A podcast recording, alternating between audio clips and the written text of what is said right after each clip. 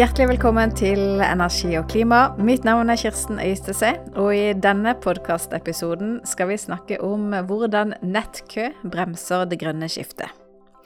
For hvis eh, Norge skal halvere utslippene innen 2030 og etablere nye grønne arbeidsplasser, trenger både gamle og nye industriaktører strøm.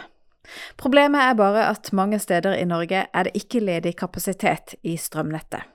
Akkurat nå så har vi litt over 50 aktører som eh, står og venter på avklaring om de eh, får strøm eller ikke.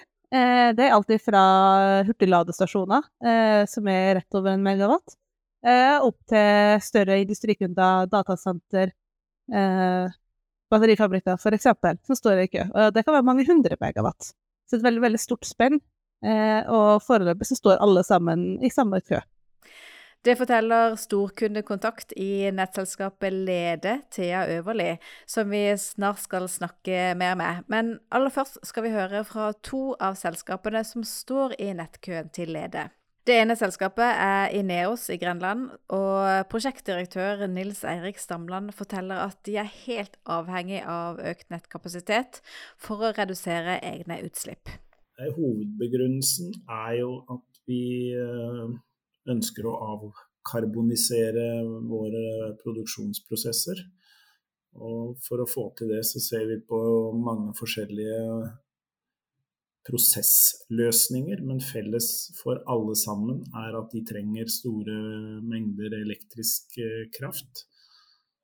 Det være seg om vi bruker eh, hydrogen som eh, energibærer for å få til reduserte utslipp, eller om vi utvikler teknologi for direkte elektrifisering, eller om vi skulle ta en rest med, med CO2-fangst og -lagring, så trenger alle mye eh, elektrisk kraft. Mm. Så uansett hvilke teknologier dere trenger for å kutte utslipp, så trenger dere mer strøm? Det finnes ingen teknologier tilgjengelig som ikke har uh, en oppskrift som betyr mye mer kraft. Ineos-bedriftene i Grenland har et samla CO2-utslipp på et direkteutslipp på i overkant av en halv million tonn. Og det har vi en konkret plan eh, for å redusere gradvis eh, fram mot eh, første omgang med en tredel fram mot 2030.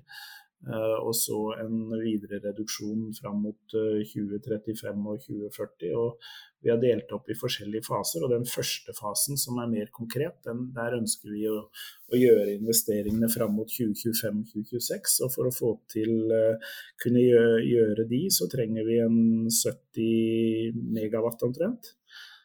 For å gjøre de neste fasene så trenger vi en 200-250 megawatt til. Og Hvordan ser dere på sjansen for å få tilgang til dette? Nei, de er jo dessverre ganske dårlige, spesielt i det, i det korte uh, bildet. Uh, men det er ikke helsvart. Altså det vi har uh, tror vi skal få til, er å få et sted mellom 40 og 50 megawatt. Men dessverre så blir jo det gitt på det som kalles på vilkår. Og det betyr at vi må Eh, at vi risikerer at hele forbruket blir automatisk eh, Altså hele det, nye forbruket blir automatisk utkobla hvis det skulle oppstå et eller annet i det overliggende nettet. Hva tenker du om det er såpass mange industriaktører? Det er både etablert industri, det er nye industriaktører som enten vil eh, bygge ut hydrogenproduksjon eller batterifabrikker eller datasentre. Og og alle ønsker å ha nett, og gjerne så raskt som mulig. Hvordan ser du at man burde prioritert dette?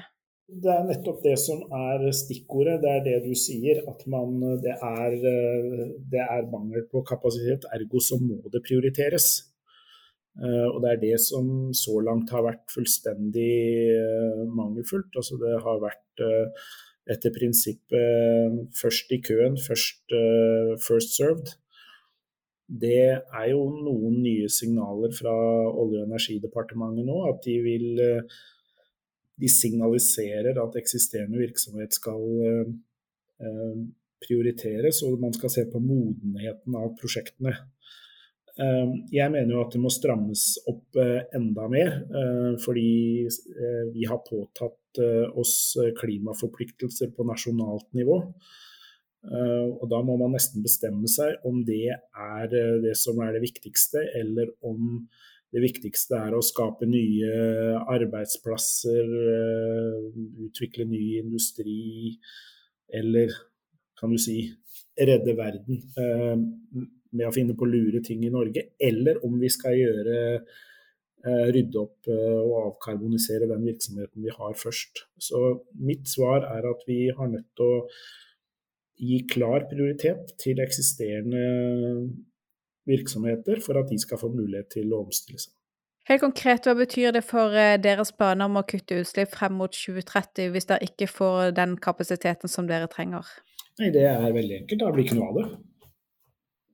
Det er helt umulig. Og det som også er uh, helt avgjørende, det er at uh, det, vi må ha visshet. Det går ikke an å gå i et styrerom og be om hundrevis av millioner uh, og milliarder til å bygge et anlegg eh, som du sier eh, til eieren at vi vet ikke om vi får tatt i bruk. Det, det er helt Altså, den usikkerheten må fjernes. Og hver eneste dag vi venter med å fjerne den usikkerheten, utsetter vi klimatiltakene som vi snakker om. Et annet selskap som også trenger nett, det er Esso Norge. Etter at den eh, tradisjonelle raffinerivirksomheten på Slagentangen er stengt ned, så er fremdeles eh, Slagentangen en viktig energihub. Og forretningsutvikler i Esso Norge, Øyvind Rudberg, forteller at eh, for å kunne tilby også karbonfritt drivstoff, bl.a. til skipsfarten, så trenger selskapet mye mer nett. Vi har som visjon at vi skal være en attraktiv leverandør av framtidens drivstoff. Eh, og Det betyr at i tillegg til det vi alltid har tilbudt, så må vi nå begynne å se på hva det er som er eh, de alternative drivstoffene. Og innen marin sektor, siden vi ligger ved sjøen som vi gjør, så er det hydrogen og ammoniakk vi eh, har valgt å fokusere på. Mm. Men for å kunne tilby dette, så trenger dere nett? Da trenger vi nett. Vi ser på å produsere grønt hydrogen og distribuere grønn ammoniakk. Og det er vann og fornybar strøm som er innsatsfaktorene, og eh, da er det viktig at vi har nett. Mm. Så hvor mye får dere nå får dere det? Vi eh, begynte tidlig med den prosessen og har hatt en eh, veldig god og konstruktiv dialog med Lede på det. Og er veldig fornøyde med at vi nå har klart å sikre oss nettkapasitet for første fase av vårt prosjekt. I første fase så får vi da ca. 25 megawatt som vi får eh, tilgjengelig for å kunne produsere grønt hydrogen. Men på litt lengre sikt så vil dere ha behov for mer hvis etterspørselen kommer? Absolutt. Vi tror jo at etterspørselen kommer. Den må jo komme hvis vi skal nå de målsettingene som er satt. Eh, og vi tror egentlig at vår fase to, som er tregangeren av fase én, kommer ganske raskt eh, etter at vi er i gang med fase én. Da trenger vi tre ganger så mye strøm, så, så vi har eh, bedt ledet se på det og finne 75 megawatt oss egentlig så raskt som mulig etter fase 1. Mm. Men det har dere ikke fått garantier for ennå? Det har vi ikke fått. Der er det en konseptvalgutredning som eh, pågår, så vi venter på, på svar fra den. Eh, og så har vi lagt inn en fase tre som er enda lenger frem i tid. Vi, vi tror at dette skal enda videre også. og på litt lengre sikt, så kan det være hensiktsmessig også å produsere grønn ammoniakk på slagen. Og da snakker vi en god del flere megawatt. Vi har indikert at vi ser for oss 300 megawatt, og, og, og kanskje enda litt mer, eh, for å kunne få ammoniakkproduksjon også på slagen. Esso Norge og Ineos er altså bare to av veldig mange selskaper som står i nettkø i Norge. Og begge de havner i køen din, Thea Øverli, som er storkundekontakt i nettselskapet Lede. Det gjør de. Eh, jeg har ansvaret for alle som søker nettilknytning over 1 megawatt. Eh, og så formidler jeg dem videre til Statnett, som eier nettet over oss igjen, på et høyere spenningsnivå. Eh, og så er jeg med og bistår de her kundene gjennom tilknytningsprosessen. Hvor mange kunder er det som nå står i nettkø hos Lede? Akkurat nå så har vi litt over 50 aktører som står og venter på avklaring om de eh, får strøm eller ikke. Eh, så det er, det er ganske mange. Ja, og hva slags kunder er det? Det er et veldig stort spenn. Eh, det er alltid fra hurtigladestasjoner, eh, som er rett over en megawatt, eh, opp til større industrikunder, datasenter, batterifabrikker f.eks., Nå står i kø. Det kan være mange hundre megawatt. Så et veldig, veldig stort spenn. Og foreløpig så står alle sammen i samme kø. Mm. Og totalt, da, hvor mye nettkapasitet er det disse ca. 50 kundene trenger til sammen? Eh, det er ca. 2500 megawatt. Ok. Bare for å sette det litt i perspektiv, da. Hvis, eh, hvis vi sammenligner med maksuttaket i deres nettområde, eller en annen sammenligning, altså hvor, hvor, mye er 2500 megawatt? Eh, det er ganske masse. I Vestfold og Telemark så har vi en topplast en veldig kald vinter på rett i underkant av 2000 megawatt. Eh, men vi har jo, altså Nå står det jo 2500 i kø, men vi har i tillegg 1500 eh, megawatt som vi har godkjent, som, står, som har fått en reservasjon. Eh, så totalt sett, hvis vi skulle lagt sammen den topplasten vi har i dag, de som har fått reservert, og de som står i kø, så er vi oppe i 6000 megawatt. Da er vi oppe i en tredobling av det dagens uttaket. Så vi Ja, det er en ganske stor kø. Mm. Og hvor mange av disse kommer da til å få nei? Vi har ikke lov til å si nei. Det er det som er litt uh, frustrerende. Eller ikke frustrerende, men vi, vi, har tilknytningsplikt. Men det blir et spørsmål om tid, og det blir et spørsmål om kost. Og kostnad er egentlig ikke et veldig stort spørsmål.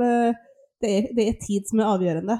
Uh, vi har, Statnett har laga en områdeplan som skisserer et målnett. altså framtidig hvordan de ønsker å bygge ut transmisjonsnettet i fylket vårt eh, fram til 2040. Og det eneste, Vi vet ikke hva slags kapasitet det målnettet gir ennå, det er et ganske komplekst bilde. Det eneste vi vet, er at det er ikke nok til å svare ut det som står i kø. Så eh, selv frem mot 2040 så vil det egentlig ikke være kapasitet nok til alle de som da vet i dag ønsker å koble seg til? Ja. Eh, men jeg vet ikke hvor mange som er villige til å vente til 2040 på å få strøm heller. Det, det er nok veldig få. Så jeg tenker det her blir jo en litt sånn selvoppfyllende profeti òg. At uh, når det er så mange som står i kø de, altså vi, vi, sier ikke nei, men vi sier nei, de må vente til 2030, 35, 40. Da er det jo et nei. Uh, og da er det veldig mange som etter hvert vil trekke seg. Men hva sier de som kontakter deg, da, som du snakker med, når du forklarer at sorry, men nettet er fullt? Ja, det er jo frustrasjon og vantro jeg som regel møter. da. Eh, og så er det jo, De fleste begynner jo på en måte å forklare ja men, ja, men skjønner du ikke hvor viktig det her prosjektet er? Eh, vi skal jo redusere så masse klimautslipp med det her, vi, med masse arbeidsplasser, vi skal investere masse penger. Skjønner du ikke at det her, det her må vi jo få til? Eh, og da sitter jeg der og er litt sånn hjelpeløs. Eh, jeg sitter jo litt mellom barken og veden. altså jeg, jeg, hører på det her, jeg er jo helt enig, selvfølgelig må vi få til det her. Og så kan jeg jo ikke gjøre noe annet enn å si at men sånn her er virkeligheten. Eh, det er kø. Og når, eh, når, det er behov for mer nett, så er det jo snakk om lange prosesser. Det skal søkes om konsesjon hvis det er snakk om nye trafostasjoner eller nye nettledninger. Og det tar tid, selve bare søkeprosessen. Og så kommer byggetiden i tillegg. Ser dere noen alternative måter å gjøre dette på? Altså Finnes det løsninger for å kunne fordele kapasiteten på en annen måte, eller utnytte nettet enda bedre? Altså, Fins det noe der, eller, eller må ting ta, så, ta, ting ta så, lang tid? Eh, det, det, er et veldig stort spørsmål man kan svare på på mange måter. Eh, men altså, vi, vi, jobber jo med å snu enhver stein for å klare å utnytte det nettet vi har i dag, bedre. Eh, det, er jo, det, er det raskeste tiltaket vi har. Altså, vi, vi har et nett eh, som store deler av tida ikke utnyttes til det fulle. Altså, topplasten vår på 2000 megawatt, det er jo den kaldeste vinterdagen.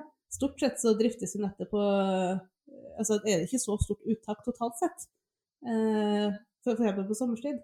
Eh, så vi, vi ser jo på en del tiltak på hvordan vi kan eh, utnytte nettet utenom topplasttimene. Eh, F.eks. så ser vi jo òg på eh, å tilknytte kunder med vilkår. Uh, det er med vilkår om at den kan kobles ut hvis vi har behov for det i driften av nettet. Uh, slik at nye tilknytninger ikke går utover eksisterende kunder sin uh, leveringskvalitet. Så, det er et av de mest lavthengende fruktene vi har. Å tilknytte ved vilkår. Det er flere og flere som blir mer åpne for det. spesielt hvis det er utkobling kun når vi får en feil et sted i nettet vårt. Eh, for det er så liten sannsynlighet for at vi får den feilen. Eh, så det er veldig mange som ser at det er verdt den risikoen da, hvis de får nettilknytning tidligere. Eller at det i det hele tatt betyr at man kan få nettilknytning. Tidligere så var det jo eh, førstemann til mølla-prinsippet som var det eneste prinsippet som gjaldt. Hva var problemet med at den som meldte inn strømbehovet først, kom fremst i køen? jo, nei, det, det, var mange problem. Eh, vi så jo det at eh, i og med at ingen nettselskap var særlig forberedt på den bølga av masse nye søknader, så var vi heller ikke vi hadde ikke noe godt strukturert system på hva som faktisk var en søknad eller en forespørsel om eh, kapasitet. Eh, om det var at folk eh, ringte oss, eh, sendte en e-post eller eh, sendte inn altså Vi fikk etter, etter, hvert etablert et sånn webskjema på hjemmesida vår. Eh, men det var, var, veldig lav terskel for å sende inn på en måte for å starte den kontakten om at hei, vi skal ha strøm. så var det veldig lite formalisert. Så vi så at det var veldig umodne prosjekt som fort havna først i køa fordi de hadde sendt inn en forespørsel veldig tidlig og ja, spurte eller annet veldig løst eh, volum eh, til noe som ikke var så veldig konkret. Så vi, vi hadde et behov for å, å strukturere eh, hva det ville si å faktisk spørre om strøm. Altså hva er det som skal til for å være førstemølla. men vi så fort òg at, at det vi kunne ikke stille så veldig strenge kriterier der, så det var fortsatt også veldig enkelt å sende inn en sånn uh, forespørsel. Så derfor har vi jo gått over til, til, til det å se på modenhetsvurderinger, da, eller vurdere modenhet som et prioriteringskriterium for å, å komme i kø. Mm. Og fortell om uh, hvordan det fungerer. Hvordan, hvordan, vurderer dere modenheten i et prosjekt? Eh, vi vurderer modenheten ut ifra diverse kriterier. For det første så må det være en konkret kunde. Eh, vi har opplevd at det er en god del kommuner eller industritomteiere som sender inn eh, litt løse forespørsler. Jeg skal ha 100 megawatt til denne tomta her, uten at du helt vet hva du skal bruke det til. Så du må ha en konkret kunde, et konkret prosjekt på plass for å kunne stå i kø. Du må kunne beskrive formålet og litt detaljer rundt det prosjektet. Du må kunne forsvare det effektbehovet du har eh, forespurt. Du legger ved underlag som viser hvorfor du har eh, sagt at du skal ha 100 megawatt blank, f.eks. Eh, et effektbudsjett. Du må ha varighetskurver, effektprofil osv. Du må kunne beskrive eller legge frem en fremdriftsplan med konkrete milepæler som vi kan bruke til å følge opp en eventuell reservasjon eller en køplass. Uh, slik at du ikke står i kø hvis du, hvis du ikke har fremdrift. Da, da må du andre slutte forbi. Du kan heller ikke uh, reservere nettkapasitet uten fremdrift. Eh, og så ber vi om at du må ha orden på diverse avtaler og tillatelser som er nødvendig, som grunne, grunneieravtale og ja, rett, ja, rett til å bruke grunnen. Du må ha diverse utslippstillatelser, eller i hvert fall en plan for å, når de her skal etableres. Og sist, men så ber vi om en finansieringsplan vi ber ikke om at du er nødt til å ha finansiering på plass. Det skjønner vi at uh, her er en høna-egget-situasjon. Uh, det er ingen som investeringsbeslutter et stort industriprosjekt uten å ha, uten å ha nettkapasiteten på plass. Uh, men vi ber om du har en plan for når du skal få denne finansieringa. Du må vite hvor den skal komme fra. og hvis du er avhengig av støttemidler, så må det være godt i gang med å søkes om. Hva har det bidratt til at dere har introdusert dette modenhetsbegrepet? Eh, det har bidratt til at, vi at henvendelser vi får, er mye mer seriøse, eh, for det første. Eh, vi får en mye mer reell kø. Det er mye enklere for oss å, å vite hvilke saker vi skal prioritere og saksbehandle når, når det er mye mer konkrete forespørsler, rett og slett. Uh, det gjør det lettere for oss å planlegge nettet uh, lenger frem i tid, når vi vet hvor det er de seriøse prosjektene uh, kommer til å komme. så det har vært en trygghet både for oss og kundene, egentlig, vil jeg si. At man får en gjensidig forpliktelse begge veier. At stiller, vi stiller ansvar til kunden, men den får òg en større trygghet når man først får denne reservasjonen. Og hvis dere da eh, har Nå har dere jo mange kunder i kø, så det betyr at det er mange som da vurderes som modne også. Er det da fristende å kunne bruke andre kriterier i tillegg? Potensial for verdiskaping, potensial for arbeidsplasser? Altså, er den type kriterier også mulig å ta hensyn til? Eh, jeg skulle virkelig ønske det. Eh, det er noe jeg har vært forkjemper for veldig lenge. For eh, modenhetskriterier fungerer godt som et første filter for å på en måte få fram prosjekter med gjennomføringsevne. Men det er fortsatt en veldig veldig lang kø med mange prosjekt med ulike formål. Eh, og vi får jo ikke til å realisere alt det. Eh, så det er etterspurt både av nettselskap og av industrien sjøl at eh, vi kan komme med tydelige prioriteringer. Eh, da er det det som går igjen, er jo eh, det er arbeidsplasser, det er reduksjon i CO2-utslipp, eh, investeringsbeløp eller annen generell verdiskapning. Eh, men vi som nettselskap er jo et naturlig monopol. Vi er strengt regulert eh, på hva vi har lov til å gjøre. og eh, Det ligger i ryggmargen til alle som jobber i nettselskap at vi skal likebehandle objektive kriterier. Eh, så vi har ikke lov til å sette prioriteringskriterier utover modenhetskrav. For det er på en måte likt for alle. alle enten, altså, kravene til modenhet kan alle sammen oppnå. Eh, så det er objektivt å likebehandle det. Men det er ikke arbeidsplasser eller CO2-reduksjon. ikke sant?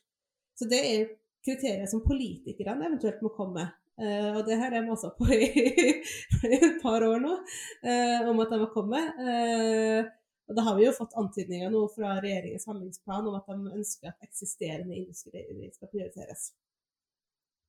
Men hva som er eksisterende industri, er jo òg uklart. Er det eksisterende bare at det at du har vært etablert mange år? Eh, altså, kan det eksisterende industri som skal eh, prøve noe helt nytt? Det er jo flere som ønsker å begynne å produsere hydrogen eller ammoniakk f.eks. Det har ikke vært en del av deres eksisterende virksomhet. Skal de prioriteres overfor noen andre? Eh, gjelder det både elektrifisering av eksisterende, eller gjelder det at de ønsker å utvide produksjonen? Det, det, er flere og hvor lenge skal man ha vært etablert for å kunne regnes som eksisterende industri? Det, jo, da kan det jo eventuelt komme et datasenter og etablere et datasenter på 1 megawatt. Og året etterpå komme og si nå er vi eksisterende industri og vi skal ha 50. Det, det er ikke helt. Det er veldig, veldig vanskelig. Og, og jeg, jeg, ønsker jo at vi skal kunne vurdere på ting som uh, verdiskapning. Uh, eller som skal, ja, skaper verdi for samfunnet. Men det er ikke helt enkelt å sammenligne prosjekt heller. Uh, skal, og mange peker på at vi nettselskapene skal gjøre det, men da må vi få veldig veldig tydelige krav fra politikerne. Eh, veldig, det må det, må det bli veldig sånn svart-hvitt, fordi at vi skal være så objektive. Eh, og det er vanskelig å få til eh, når det er så stor variasjon i prosjektet. Eh, så jeg tenker jo egentlig at det her må politikerne gjøre sjøl, sak for sak, på de aller største prosjektene. Når, når, når kundene ber om ja, mer enn 100 megawatt, så ber de om en ganske stor andel av samfunnets ressurser. For nettkapasiteten er jo bygd på folkets regning. Eh, så om noen ønsker å ta en ganske stor andel av det, så tenker jeg at da er det bare rett og rimelig at, uh, at politikerne våre tar stilling til om det faktisk er det her vi skal bruke krefta vår på, når det er så stor knapphet som det er nå. For det er veldig veldig stor pågang. Eh, ikke bare i Vestfold og Telemark, det her gjelder hele landet. Spesielt uh, langs kysten. Mm. Men er det eksempler på at det har uheldige konsekvenser, at dere per i dag ikke kan prioritere på noe annet enn hvem som meldte effektbehovet først, og hvor modent det er? Eh, nå kjenner jeg at jeg som sitter i posisjon og skal likebehandle alle mine kunder, ikke komme med noe konkrete eksempel. Eh, men mange vil nok påpeke, det har det jo vært en debatt om i media, at det var jo eh, med, med TikTok eh, oppe i Innlandet så var det nok mange som heller skulle ønske seg at den nettkapasiteten kunne gått til noe annet. I hvert fall når vi er på vei mot et eh, kraftunderskudd eh, nasjonalt i Norge om få år. Eh, så tenker jeg at det er mange som har at de, det var et par hundre megawatt. At det skulle gått til noe annet enn en TikTok-datasenter. Så det, det, er jo en konsekvens av at man ikke har gått inn og, og tatt, gjort politiske prioriteringer av den køa. Dere er jo som sagt i prisområdet NO2, hvor etterspørselen etter økt nettkapasitet er størst. Men som du nevnte, så gjelder jo ikke det bare dere, dette gjelder egentlig over hele Norge, og særlig langs kysten. Burde nettselskapene både regionalt og Statnett sett den etterspørselen komme tidligere? Til en viss grad, ja. Det syns jeg. Man har jo i alle de år snakka om eh, at alt skal elektrifiseres og, og slik. Eh, så jeg syns det er rart at man kanskje ikke har forutsett at i hvert fall de største punktutslippene i Norge ønsker å elektrifisere. Eh, men samtidig det er det ingen måte å forutse den, at alt det her skulle skje samtidig. Det, det, det skjedde nesten over natta i 2021 At det kom masse, masse datasenter og skulle ha kapasitet overalt. Det kom batterifabrikker. Alle husker det her eh, Joint Battery Initiative eh, til Hydro, Panasonic og Equinor. ikke sant? Det, det skulle ha kapasitet over hele landet. Det, jeg tror ingen kunne forestille at alt det her det blir en perfekt storm som traff samtidig. da. Så, så, til en viss grad så kunne vi forutsett det som gjaldt elektrifisering. Der tenker jeg kanskje at vi burde vært litt mer forberedt. Eh, men ikke, ikke, at det skal treffes så hardt så fort, da. Men uh, hva er løsningen? ah, da er jeg ingeniør og realist, og kanskje da er jeg kanskje litt noe vi kaller pessimist. Men jeg, jeg, jeg, jeg må jo bare erkjenne at vi, jeg tror ikke vi får til å løse alt. Vi får, vi får, ikke til å løse det. Det, må vi bare det, det er kanskje det første innrømmelsen vi må gjøre. At eh, vi, vi, får ikke til alt vi ønsker å få til. Eh, det er ikke sjans. Når, altså bare i Vestfold og Telemark, hvor det er ønska en tredobling av uttaket vårt innen 2030. 20, for, nett, for Nett-Norge er det 2030, det er, det er i morgen. Det, det, er så kort tid til vi, det er ikke mye vi rekker å gjøre før det. Så hva som er løsninga? For det første så må vi velge hva er det vi har mest lyst til? Uh, vi får ikke til alt. Hva vil vi mest gjøre først? Uh, og så er det å, å, kikke hardt under lupen på hvorfor ting tar så lang tid som det gjør. Uh, nå får jo NVE flere ressurser til å saksbehandle, så konsesjonsprosessen har jo vært en liten flaskehals. er jo godt kjent. men det er ikke bare konsesjonsprosessen som tar tid. da, Det, det tar en god del tid den planlegginga vi gjør av nettkapasitet. Eh, tar lang tid før vi faktisk setter i gang og begynner å planlegge de prosjektene. Og så kan vi begynne å ligge litt mer i forkant, kanskje, og ikke være så redd for å overinvestere i nettkapasitet. Når vi først investerer, så burde vi kunne eh, investere i større tverrsnitt og heftige komponenter uten at det blir ettergått så voldsomt. Eh, når vi først bygger ned natur for å bygge en linjetrasé, så er det ikke Da burde vi kanskje sørge for at vi tar i godt nok med kapasitet, så vi slipper å bygge en parallell linje ved siden av ti år etterpå. Ikke sant? Det er sånne ting jeg tenker vi kunne blitt bedre på. Vi må ikke være så redd for at vi overinvesterer når vi først investerer. Hvis du ser eh, trenden for eh, deres egen del, da, for Lede sin del, og ser tre år frem i tid, vil dere ha klart å ta ned køen, eller har køen blitt lengre? Eh, jeg tror nok den vil være relativt lik. Men jeg tror ikke det er de samme folkene eller aktørene som står i kø lenger. Jeg tror det vil være nye aktører i kø. Uh, har, fordi enkelte vil jo falle bort. Uh, mens andre vil komme til å være optimistiske. Og sånn vil det være en kontinuerlig utskiftning. Da. Uh, for det som er fint med det at vi har innført modenhetsvurderinger og kriterier for at du må være moden for å stå i kø, og at vi følger opp fremdriften til prosjektene, vil det jo medføre at det er en sannsynlighet for at prosjektene foran deg i kø kanskje mister plassen sin og at det da ja, går fremover. Mm. Ser du noen trender der i forhold til om det er hydrogen, ammoniakkproduksjon, batterier, datasentre? Altså hva er det som, som kommer til å bli stående og, og ønske den kapasiteten, og hvilke prosjekter kommer til å falle fra og miste interesse? Eh, Det som kommer mye nytt nå, er jo det hydrogenforespørselen. Det som fortsetter å tikke inn. Datasenter har roa seg, i hvert fall mange av kryptosentrene har roa seg pga. strømprisen. Så det er de som har falt mest bort. Eh, det jeg tror blir stående, er eksisterende industri som ønsker å utvide eller elektrifisere det de har av eksisterende prosesser. Eh, de, de kan vente, eh, forhåpentligvis. Det har kanskje vært en, det vanskeligste for meg personlig, og som har tynget hjertet mest, er jo når de sier at hvis vi ikke får elektrifisert det her, så mister vi konkurransekraft og potensielt må legge ned. Uh, og vi har investert milliarder i infrastruktur her ikke sant, over de siste 30-50 årene. Uh, det gjør jo vondt. Uh, men de, de, kan jo vente i større grad, fordi de allerede måte er etablert. Så, så, så, jeg tror nok det er det som kommer til å bli stående. Altså datasentrene, spesielt kryptosentrene, hopper nok ut og forsvinner. Helt til slutt, hva er det viktigste dere i Lede gjør for å gjøre så godt dere kan for at de som ønsker å knytte seg til, til nettet, får, får, anledning til det? jeg vil jo si at den køordninga vi har vært med å etablere, er noe av det viktigste vi har gjort. Eh, både for å synliggjøre eh, ja, realismen i køa.